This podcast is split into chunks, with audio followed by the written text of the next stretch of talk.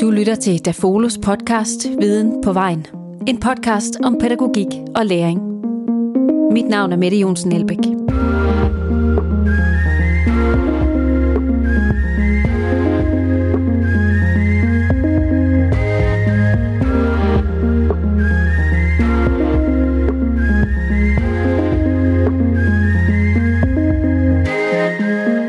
denne udgave af Viden på vejen pædagogisk konsulent Christian Søndermand Bro taget på besøg hos forfatter og foredragsholder Henrik Dresbøl.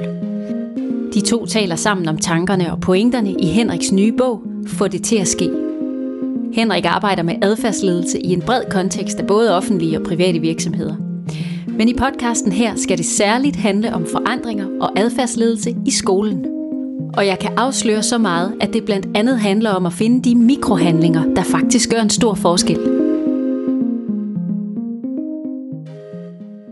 Hej og velkommen til denne Dafolo podcast, som handler om bogen Få det til at ske. Jeg står her med bogen i hånden, og jeg har faktisk været så heldig at blive inviteret hjem til øh, forfatteren, Henrik Dresbøl, og lige nu der står jeg i Henriks rigtig hyggelige stue. Der skal være fødselsdag her lidt senere. Så Henrik og jeg her i, i denne podcast, der vil vi prøve at dykke lidt ned i, øh, i nogle af tankerne og pointerne i bogen, øh, få det til at ske. Lige til start med, Henrik, kan du ikke lige fortælle lidt om dig selv? Jo, tak for det, Christian, og tak fordi du vil komme og interviewe mig. Jamen, jeg hedder som sagt Henrik Dresbøl. Jeg er kendt med fra Aarhus Universitet i kognitiv semiotik, og så har jeg også en uddannelse i idéhistorie. Jeg arbejder med adfærd, kommunikation og forandring i godt 20 år nu, og så driver jeg et lille selskab, der hedder WeLearn, som arbejder med ændring af adfærd i organisationer. Og så har jeg så skrevet den her bog, holder mange foredrag og laver en del workshops og sidder i nogle bestyrelser, så jeg har altså viden øh, både for praksis og teorisiden om, om adfærdsforandringer. Og i den her podcast, Henrik, du har lovet mig, at vi kan sætte lidt spot på det her skoleområde. Så bogen, den er sådan set skrevet til rigtig, rigtig mange og rigtig, rigtig bredt. Men, øh, men i, den, i den her podcast, der vil vi prøve at gå lidt ned i, hvad, hvad, hvad kan den her bog i sådan en skolekontekst, når man skal arbejde med forandringer? Og man må sige, at skoleområdet, det er i hvert fald et område, der har virkelig været udsat for en hel masse forandringer. Øh, nogle er gået godt, og nogle er gået mindre godt. Men, øh, men vi skal prøve at se på, på nogle af de her greb for bogen. Hvordan kan man ikke tage et arbejde med forandringer?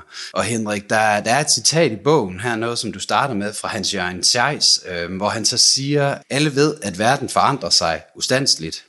Øh, mange mener derfor, helt fejlagtigt, at det samme gør mennesker. Hvad, hvad, hvad tænker du om sådan et, et citat? Øh, når vi skal skrive en bog om forandringer, så er der mange bøger, der handler om forandringer, men jeg vil egentlig hellere skrive om det, som ikke forandrer sig i forandringer, nemlig de betingelser, hvor om øh, mennesker de ændrer adfærd, de mennesker, der er i de forandringer, de begrænsninger, vi er underlagt, altså både i form af øh, manglende hukommelse, øh, manglende vilje, måske svigtende motivation i forhold til det store forandringspres, mange af os øh, oplever. Så der vil jeg hellere prøve at fokusere på, hvordan kan vi egentlig optimere det for at være et menneske i forandring, i stedet for at prøve at kigge hele tiden på forandringens vind og sige, nej, hvor det nye og det sjove, det accelererende og det hurtige og det er anderledes. Så hellere prøve at sige, nedenunder er der vel nogle mennesker, nogle menneskelige faktorer, nogle egenskaber, som vi skal prøve at zoome ind på, hvis vi skal lykkes med at få ting til at ske på en måde, hvor vi både har mennesket med i forandringen, men også får de gevinster og værdier ud af den forandring, vi har sat i søen. Ja, fordi du nævner også i bogen det her med at faktisk sætte mennesket og adfærden først modsat eventuelt en, en øh, forkromet strategi eller en, en interessant øh, værdiproces. Men det her med mennesket og adfærden, øh, og der er du lidt inspireret af, af Kernemann, øh, noget af, noget, nogle af hans tanker. Kan du ikke lige prøve at se, hvorfor er det vigtigt at tænke på mennesket og adfærden øh, først? Det er jo sådan, at, at vi mennesker øh, hurtigt kan blive optaget af forandringen, det nye, det forjættende land, der ligger i det. Og det kan være, fordi vi måske som ledere eller som ledelsesteam har fået et politisk opdrag, så er det sådan set en bunden opgave, vi har fået. Øh, og så har vi ligesom sådan en idé om, at nu skal vi rigtig sælge den her forandring ind, og vi skal ligesom overbevise hele verden om, at den er fantastisk. Og det øh, er i for sig også rigtig godt, at så man gerne give det klart hvorfor, så folk har lyst til at forandre sig. Øh, men, men, men det, som vi nogle gange overser øh, i det her, det er, at vi også nødt til at finde ud af, hvad er det egentlig for en ny hverdag? Hvad er det for en forbedret hverdag, der ligger dernede for den enkelte medarbejder? Hvad er det for nogle nye handlinger, den enkelte skal gøre, når vi indfører et nyt IT-system, når vi indfører et nyt værdisæt, når vi indfører et nyt læringssyn for eksempel? Hvad er det så faktisk for en praksis, der ligger nedenunder det? Det kan vi nogle gange godt glemme, og hvor vi er gode til at gøre det i ledelsesrummet og være enormt konkrete, så er det ligesom om, når vi har over i ledelsesrummet, så glemmer vi lidt, at det måske også handler om, at det er en praksis, det er en adfærd, det er nogle handlinger, der skal laves laves. Så derfor det at have et adfærd først fokus, det handler altså ikke om at sige, nu har vi fået en forandring, hvad skal vi gøre? Nej, det handler om at sige, nu har vi fået en forandring, og sige, hvad er det så, vi vil have til at ske i ændret adfærd, og så prøve at sætte nogle betingelser op for, hvordan vi så kan få det til at ske, og designe for den forandring, vi ønsker. Og så ligger der, lige en lille parentes til det, ligger der selvfølgelig en masse adfærdsvidenskab nedenunder det. Det er jo den Kahnemans idé om system 1 og 2, og hvordan man kan bringe øh, de forskellige øh, former for viden i spil. Altså både en viden, som er øh, tavs og indlejrer i vanerne, system 1, som er emotionelt drevet, og så en system 2-tænkning, som er, som er rationel. Jeg skrev et special om kroppens hukommelse, Altså om det, at min krop egentlig kan huske, før bevidstheden den bliver vågen og kan huske. Og ligesom til at belyse det, så kan man jo prøve måske at nævne, hvis der er nogen af jer, der kan huske den der forbandede øh, likør, der hedder pisang Ambon likøren Hvis man har drukket den og fået for meget af den, når man så stikker næsen ned i den der grønne bananlikør, så siger kroppen, mm, mm, mm, der skal vi ikke ned igen. Så kroppen har på en eller anden måde en form for hukommelse. Og øh, det, jeg vil bruge eksemplet med her, det er jo det eksempel, der hedder øh, på en embodiment. Altså, vi mennesker er sådan set situeret i verden i en krop. Og så snakker vi om det her med situeret læring, altså at man skal hvad hedder det, gøre noget for at kunne noget, altså det er situeret læring, eller man skal kunne noget for at gøre noget, det er en kognitiv læring. Og der tænker jeg egentlig nogle gange, at i ledelse, der har vi en tendens til at overbetone det kognitive, fordi det handler om styringsmekanismer, det rationelle, det strategiske. Men vi mennesker, vi kan altså først agere på noget, når vi kan se, hvad det er, vi skal agere, hvor vi skal gøre det, hvordan vi skal gøre det, og med hvem og hvornår. Konkret og helt specifikt. Så det vil sige, at derfor vil jeg hellere gerne, end gerne sige, at adfærdsledelse handler meget om det her med at få et situeret rum, altså kunne forklare de folk, der man gerne skal lede, hvad det er, de skal gøre, og så ikke kun forklare det til hovedet, men også forklare det, så fødderne kan komme med, så man faktisk kan komme til at tænke gennem handlinger i et fælles rum øh, som ledelse, som skole. Ja, det kommer vi nemlig tilbage til, hvor du har, du har nogle øh, greb i din bog, som, øh, som vi vil prøve at dykke ned i lidt senere, men, men inden vi gør det, så, så, så noget af det, vi, vi også talte om, også to, det var det her med at sætte den her kontekst. Hvordan kan man sætte en kontekst, hvor man kan skabe den her forandring? Men, men kan du ikke lige, inden du kommer med eksemplerne, så fortælle, hvorfor er det egentlig centralt at, at stille en kontekst op øh, i forhold til, det her med situeret læring, altså det her med at have en øvebane. Hvorfor er det så vigtigt? Vi, øh, vi ved, at, øh, at adfærd og det at ændre adfærd, øh, det er en, et samspil imellem to elementer. Der er omgivelser, altså kontekst og situation, og så er der personlige faktorer. Og der har vi haft en tendens til at, ligesom at tro igennem tiden, at vi skulle forandre noget, så skulle vi forandre hele det indre landskab og ændre folks hoveder og tanker og meninger om noget. Og det har man altså fundet ud af i adfærdsvidenskaben, at det er, det er lidt bøvlet. Det er mere vigtigt at ændre konteksten for at ændre adfærden. Så vi ændrer altså rummet for handling, i stedet for at ændre hjernen eller forsøge at overbevise holdninger eller meninger om det. Så når man arbejder med adfærdsleder, så arbejder vi med øh, det, vi kalder den dobbelte kontekst. Og den dobbelte kontekst, det betyder, at hvis du er leder eller adfærdsleder, så har du ansvar for, at du igennem din egen adfærd ændrer den på en måde, så de andre kan se, hvordan det er, du ændrer adfærd, så de får en kontekst for at ændre deres adfærd. Og lad os tage et eksempel. Øh, jeg var nede på min, øh, en af mine tre drenge skoler, eller ikke skole op, men mine tre drenge, de har gået på den samme skole, en skole, jeg har nydt rigtig meget. Og der var vi til en af de her rigtig, rigtig fine forårskoncerter, hvor alle sidder, nerverne er ude på tøjet, og man sidder med en lille tårer i, i øjet der, fordi man, er, man synes, de er så søde, de små børn, og det, noget lyder godt, noget lyder mindre godt, men alle præsterer, og alle er på. Det er en fantastisk oplevelse. Så på et tidspunkt øh, kommer der en tryllekunstner på scenen, der ligesom skal præsentere det næste øh, del af programmet her. Og øh, han siger så, jeg vil gerne se Cecilie fra første A heroppe på scenen, og der går sådan en sug igennem salen. Ikke? Altså folk ved jo godt, at Cecilie fra første A, hun har ikke lyst til at komme op på den scene der. Så han siger, men øh, jeg har en lille hjælper til dig, fordi at, øh, jeg har taget et meget specielt tæppe med. Jeg har nemlig taget et klappetæppe med. Og så kigger folk, og klappetæppe, og så siger han, det virker på den måde, at hvis man træder op på det, og sætter sin fod på det, så klapper hele rummet. Og så siger han, har du lyst til at komme herop og prøve det tæppe? Siger han så til Cecilia, og så siger hun, ja tak, hun er stadigvæk generet, men der er kommet et nyt rum nu. Så hun går op, træder på klappetæppet, og så klapper alle de her 300 mennesker, der er i rummet. Hun tager foden af, stopper de, sætter foden på igen, og så klapper de. Så det var et meget, meget fint eksempel. Det jeg gerne vil bruge øh, det eksempel til, det er egentlig at fortælle, at det samme er det, du skal gøre som leder. Du skal forsøge at skabe nogle kontekster, hvor i mennesker de kan ændre deres adfærd, ligesom Cecilie kunne gøre øh, her. Øh, og det er jo et, et skoleeksempel på, at ændring af kontekst giver ændret adfærd, men det er også et skoleeksempel på, hvordan det at praktisere øh, adfærd også handler, eller praktisere forandringer, også handler om at finde de der små ting i hverdagen, der kan drive øh, den ændring af adfærd. Altså så det handler det der med at stille nogle muligheder op for de her, det, du kalder mikrohandlinger. Så, så kom du også med et rigtig øh, interessant øh, eksempel på, på Novo Nordisk, hvor man også har prøvet at ændre konteksten i forhold til det her med at have en kultur, hvor det er okay at lave fejl. Altså det her risikofri miljø, det vil man gerne have. Men der var altså lige, kan I ikke undgå at lave risiko? I skal helst ikke lave fejl i forhold til økonomi. Helst heller ikke i forhold til kunder. Det var lidt svært. Så, så hvad gjorde de så? Øh, hvad gjorde de så på Novo Nordisk? Ja, men eksemplet er, er jo godt, altså, øh, hvad hedder det, er et eksemplarisk eksempel også på, på en mikrohandling, og øh, klappetæppet er en mikrohandling, men de lavede en anden mikrohandling derop øh, ved Novo, og det er, det er et eksempel, kom, som kommer fra Mette Nør Ganshorn, som jeg var så heldig at møde på en konference, og hun er så med også som case i, i bogen her, for det til at ske. Og det der var, det var jo, at øh, Jesper Furgaard, som er direktør ved Novo, ønskede at indføre en mere agil kultur, og nu er det jo sådan, at Novo Nordisk er en kultur, der har været, øh, der har været rigtig dygtig til at have øh, maksimal information i alle sine beslutninger, og har faktisk fået en nulfejlskultur i, i så udstrækkende grad, fordi de har tjent så mange penge gennem tiden, at øh, de har kunne lægge flere og flere lag ind, når de skulle lave præsentationer. For eksempel så var der en præpræsentation for præpræsentationen, så man kunne sikre sig, at der netop ikke var nogen fejl. Når der så kommer en udmelding, der hedder 80% er godt nok til hele organisationen for topledelsen, øh, altså at vi gør det færdigt med markedet, vi itererer, vi prøver os frem, vi designer, vi eksperimenterer, så, øh, så står kulturen altså relativt stille. Det vil sige, at der er ikke rigtig noget, der sker, fordi man kan jo godt se ned i den der kultur. Okay, nu har jeg været her i 20 år, og alle, der ligesom har gjort det godt, de er kommet frem ved at lave nul fejl, og nu kommer ledelsen altså og siger, det er okay at fejle. Øh, og som du så nævner, så, når man så begynder at spørge konkret, hvor kan jeg så fejle henne, så er der jo ikke nogen steder, vi rigtig kan fejle. Så, så, øh, så, så Jesper Fogård vender sig over til, til sin daværende Øh, HR-chef, øh, hvad hedder det, Mette, og siger, hvad kan vi gøre her for at fremme den kultur? Jamen siger, der er ikke andet øh, at gøre end at lave en, en ny kontekst, hvor du forsøger at ændre din adfærd, så det bliver trygt for medarbejderne at ændre deres adfærd.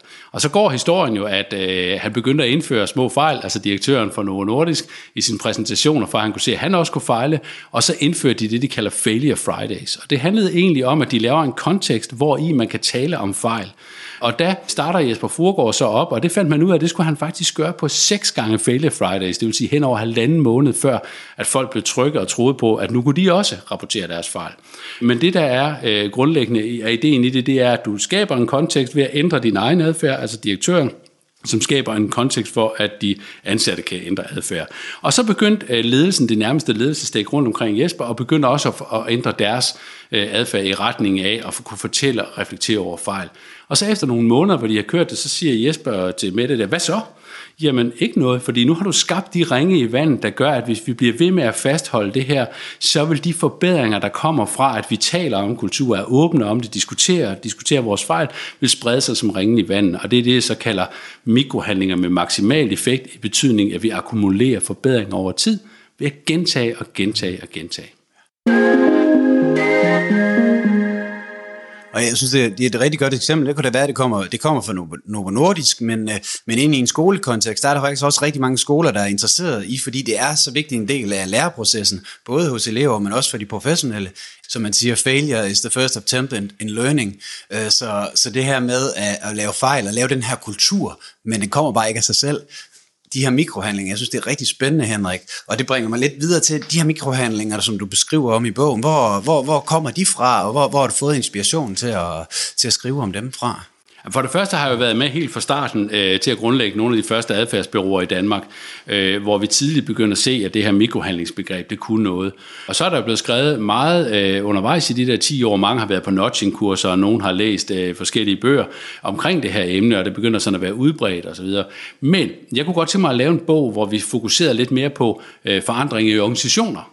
Og der kan man sige, så, så gjorde jeg det, at jeg ligesom tog et udgangspunkt og siger, hvad ved vi egentlig om hvad, hvad er gode og optimale betingelser, som en organisation skal stille til rådighed, hvis de ønsker at lave forandringer på organisationsniveau? Og så prøver jeg at kigge på nogle metastudier og sige, hvad er der egentlig på tværs af dem? Er der nogle generaliserbare øh, størrelser? Øh, og der fandt jeg ud af, at det at gå småt, øh, gå bredt, at gå hurtigt og gå igen, altså betydning og, og, og gøre det muligt for folk at gentage den nye adfærd og få noget hyppighed frem, det var fire rigtig, rigtig centrale faktorer på organisationsniveau.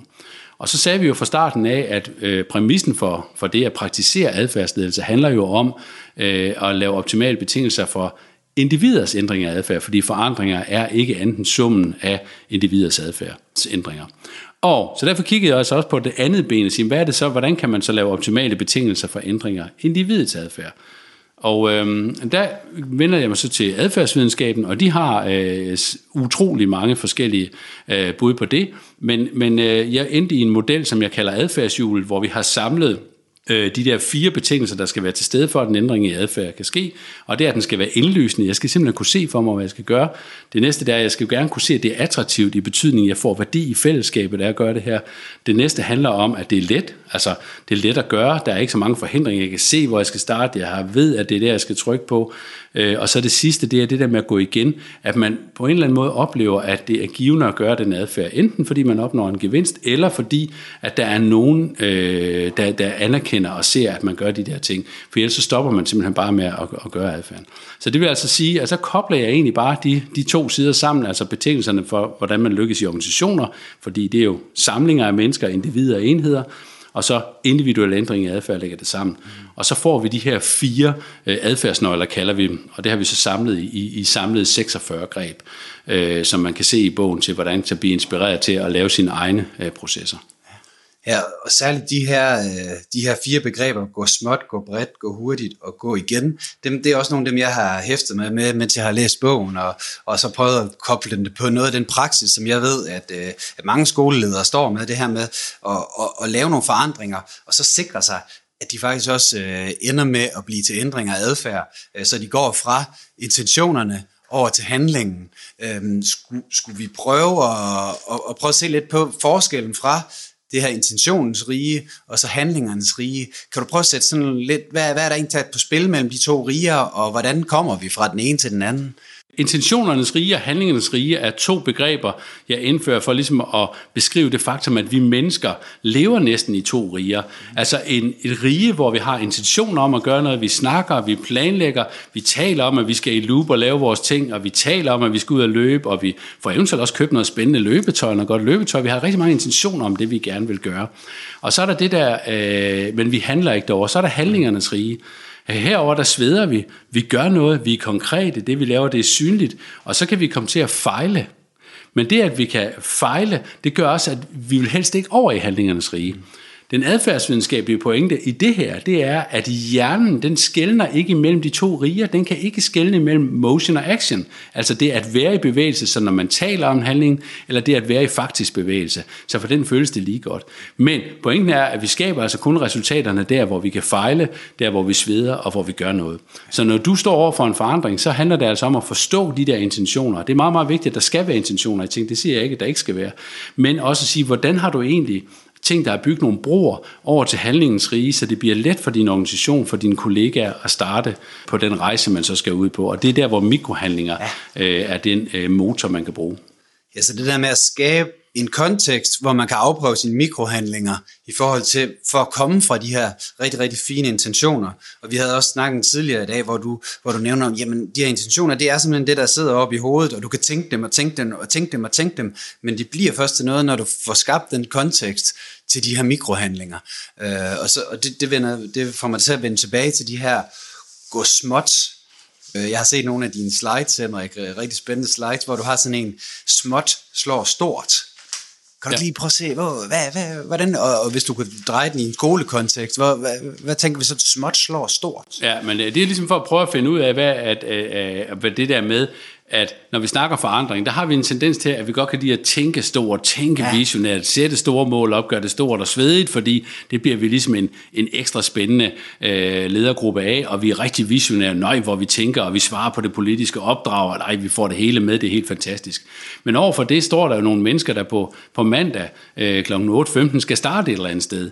Så det der med at gøre det første skridt indlysende og give dem det, øh, der bliver nogle gange tavst øh, efter sådan en præsentation, der siger, hvad er det første skridt så? Øh, I tænker, når vi nu skal være agile, eller vi skal være, vi skal være hvad hedder det, dyrk fejlkultur, hvad er så det første skridt? Og der kan man sige, der tænker jeg, at den ansvarlige ledelse prøver egentlig også hele tiden at tænke sin strategi over i handling. Og det vil vi også have gjort i en didaktisk situation. Altså hvis vi snakker om professionelle læringsskaber, hvor vi er nede og didaktiserer nogle ting, så vil man jo også sige, hvad skal man kunne gøre, og hvad skal du kunne kunne, når du kan gøre det, og man kan beskrive alle de mål. Det glemmer vi lidt, når vi kommer op til vores forandringsdel. Og der lavede vi en anden analyse af forandringsledere i organisationer, altså nogen, der står for at implementere forandringer. Øh, og der undersøgte vi, hvordan, hvordan arbejder de egentlig med forandringer. Der var der kun 8% af dem, der egentlig målte på ændringer i adfærd. Øh, altså, at, at leder de tiltag, vi egentlig gør, så til faktiske ændringer på gulvet, eller gør de ikke? Og hvis man nu får, øh, har den præmis, der hedder, at du får, hvad du måler, så kan man sige, at det er jo lidt, øh, lidt besnært, hvis man ikke har målt, øh, eller kun 8% måler på det, så er sandsynligheden for, at vi kommer i retning af den adfærd nok minimal. Jeg taler ikke for et måltyreni her, jeg taler om en gennemsigtighed i, at kigge på, hvis det er, at vi skal have den her fejlkultur, hvad er det så faktisk nogle indikationer i handlinger mm. på, at vi har det? Er det, at kollegaerne laver de her små kontekster for, for at diskutere fejl? Er det, at der kommer en sprogbrug omkring fejl i vores hverdag på, på lærerværelset? Er det, at folk i deres uh, mus-samtaler faktisk uh, spontant begynder at evaluere og ventilere fejl som en del af deres egen udvikling som noget positivt? Altså, hvad er det for nogle indikationer på ændring i adfærd, som vi diskuterer ud fra som ledelse? Det tænker jeg er et godt greb, og det handler altså om, at du selv som ledelse, som team, starter med at definere, hvad er for eksempel den første handling? Gå småt, hvordan er den gjort indlysende for folk? Ja, og, og så det næste, du taler om, det er det her med at gå bredt. Så bredt slår smalt. Og, og jeg tænker, særligt i skoleverdenen, der har man sådan en forkærlighed for sådan noget, nogle pilotprojekter, så vi skal, have, vi skal have rullet noget ud, men vi prøver lige, og, at der er lige nogle ganske få, der lige prøver at arbejde med det, og så spreder ringene sig forhåbentlig i vandet. Men, men din pointe der med at sige, jamen gå bredt, få mange involveret, få mange til at være, være aktive, hvad, hvad, hvad, får man, hvad får man med, når man, når man går bredt? Altså, jeg er fuldstændig for øh, piloter. Vi kalder det adfærdseksperimenter, ja. at man ligesom prøver at eksperimentere med adfærd, fordi vi ved ikke rigtigt, hvordan tiltag nødvendigvis virker i en given kontekst eller en given kultur. Men når man sidder og designer sit samlede forandringsprogram, så det at gå bredt, det handler egentlig om at kigge på, på tværs af sine skoler og sine organisationer og sige, hvor mange kan vi egentlig få med af dem, som egentlig er mest klar på både at kunne og ville øh, det, vi skal, og så prøve at appellere til dem, og så få dem til at drive øh, adfærden. Fordi det handler om at få, en, få skabt nogle spejlingseffekter, så man kan se ved sine kollegaer, at der kan være en fordel ved en ny adfærd, eller der kan være en fordel ved, at der er en gammel adfærd, vi ikke længere skal gøre. Det kan jo også være tilfældet. Det plejer jo ikke altid bare at være det nye. Man kan jo også snakke om at gøre øh, gammel adfærd svær, og på den måde bliver det lettere øh, af bagvejen at gøre det nye i forhold til det her med at gå hurtigt, i forhold til at gå langsomt. Mm. Kan du prøve at sætte nogle ord på, øh, på, på, på effekten med at, med at gå hurtigt? Ja, det er jo igen ideen omkring det her med det adfærdsnøgle 3, det der med, at hurtigt slår langsomt. Mm. Og det handler om, at vi mennesker, øh, igen, og der er vi tilbage ved en aktivismen eller en embodiment-tænkning, det er noget, vi har en tendens til at glemme, ja. at vi faktisk øh, lærer gennem gøren. Og der er vi tilbage i det situative, det praksisrummet der, at meget mening kommer jo først ud af kvæg vores handlinger. Det er, når man putter tingene i kassen på den nye måde, det er, når man får sit feedback på sin telefon fra den registrering af noget data, man har lavet fra sin klasse, eller når man holder den nye, øh, hvad hedder det, øh, det nye møde, hvor man bruger de nye strukturer, hvor man måske får en aha-oplevelse af, at det her det var godt, og det gav lige pludselig mening, så er det jo faktisk igennem handlingerne, det at man bliver god til hurtigt at, at, at gøre ting, eller man hurtigt gør ting, der gør, at man føler sig god. Og når man begynder at føle sig god, så kan man optimere derfra. Så hvis du har nogenlunde overblik over, hvor mange du vil have med, hvor du vil have med, og hvem du har med, og mange af dem har du fået til at gå hurtigt øh, og opleve, at de for eksempel har været gode, så kan du optimere derfra. Så er det den sidste der med at gå, gå igen og igen.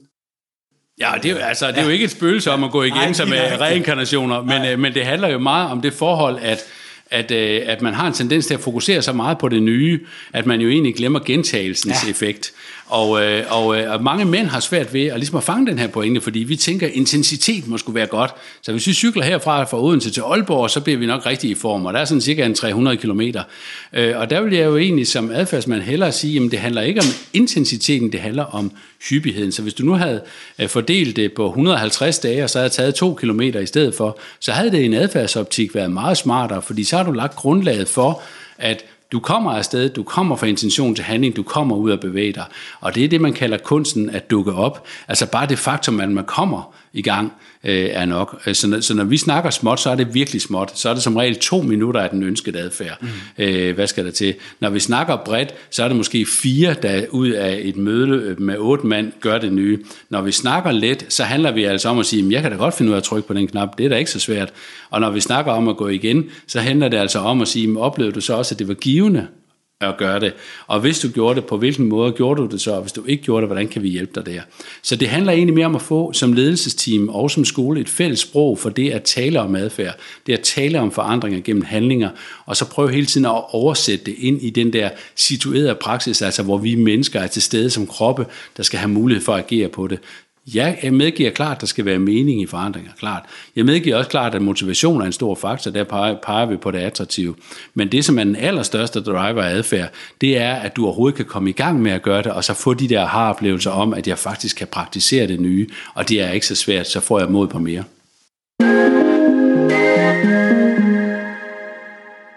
Så er der noget med lederens rolle. Der har du sådan tre, øh, tre roller, som man faktisk øh, skal tage på sig i sådan øh, en, en forandringsproces som leder. Kan du, ikke, øh, kan du ikke prøve at sætte nogle ord på de tre roller?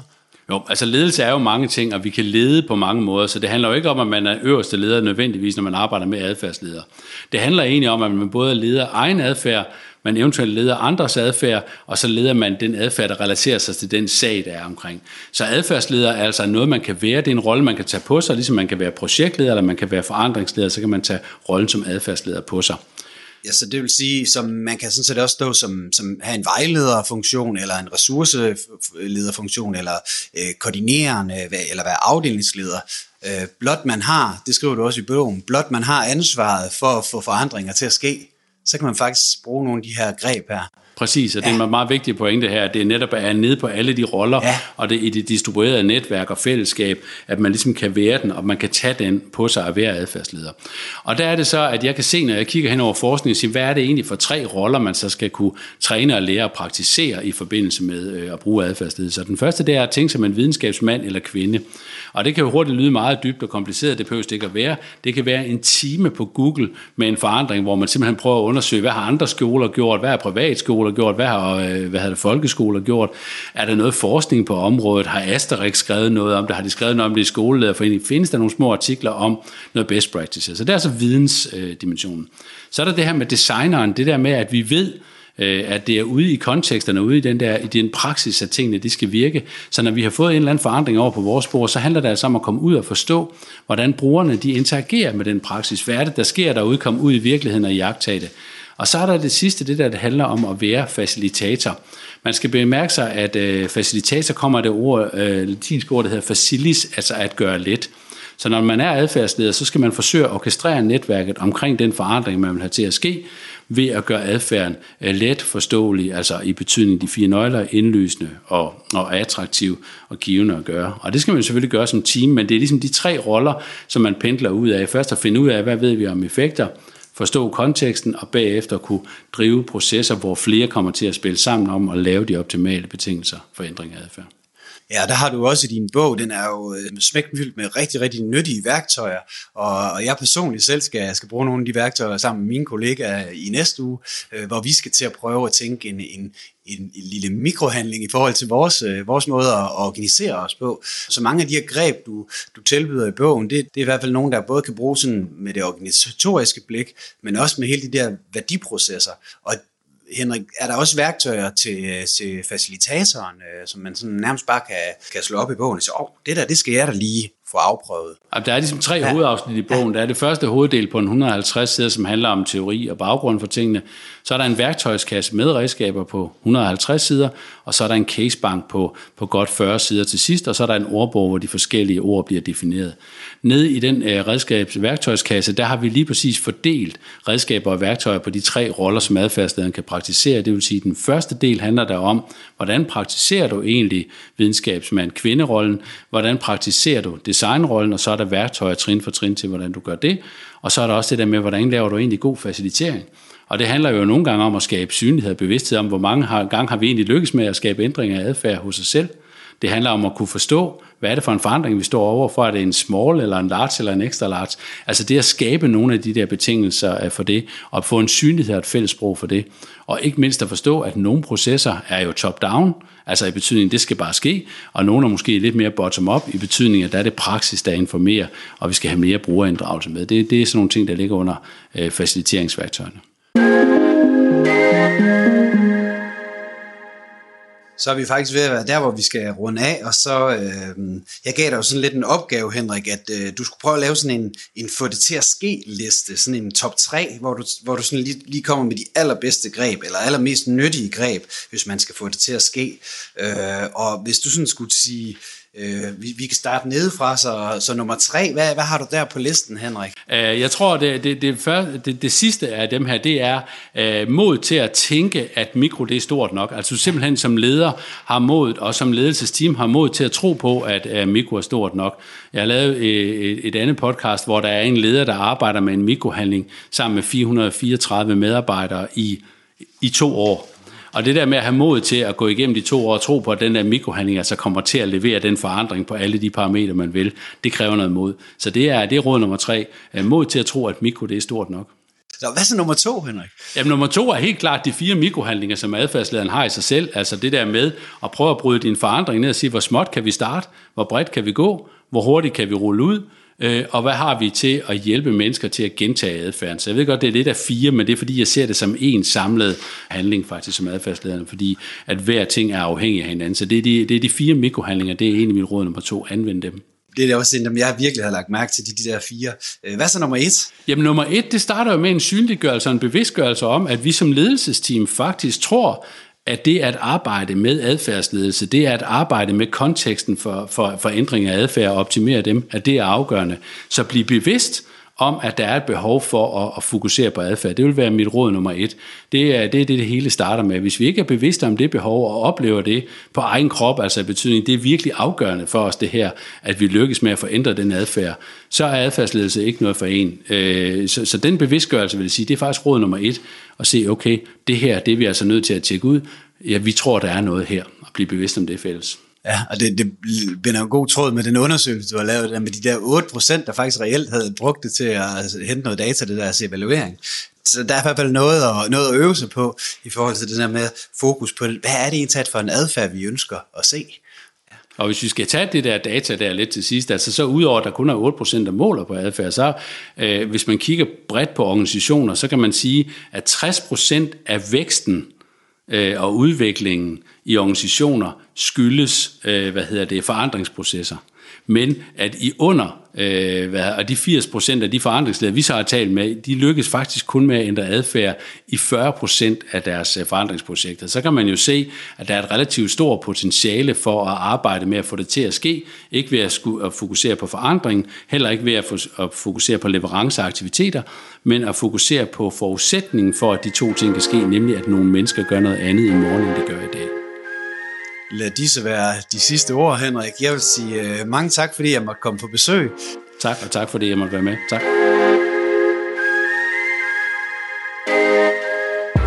Hvis du er blevet nysgerrig på bogen, kan du finde meget mere om den på dafolo.dk-viden på vejen. Her finder du også alle andre episoder af podcasten. Tak fordi du lyttede med, og stor tak til Henrik Dresbøl for at bidrage med sin viden. Podcasten er tilrettelagt af Dafolo, produceret af Maria Teilkamp, og musikken er komponeret af Soundperk. På genhør.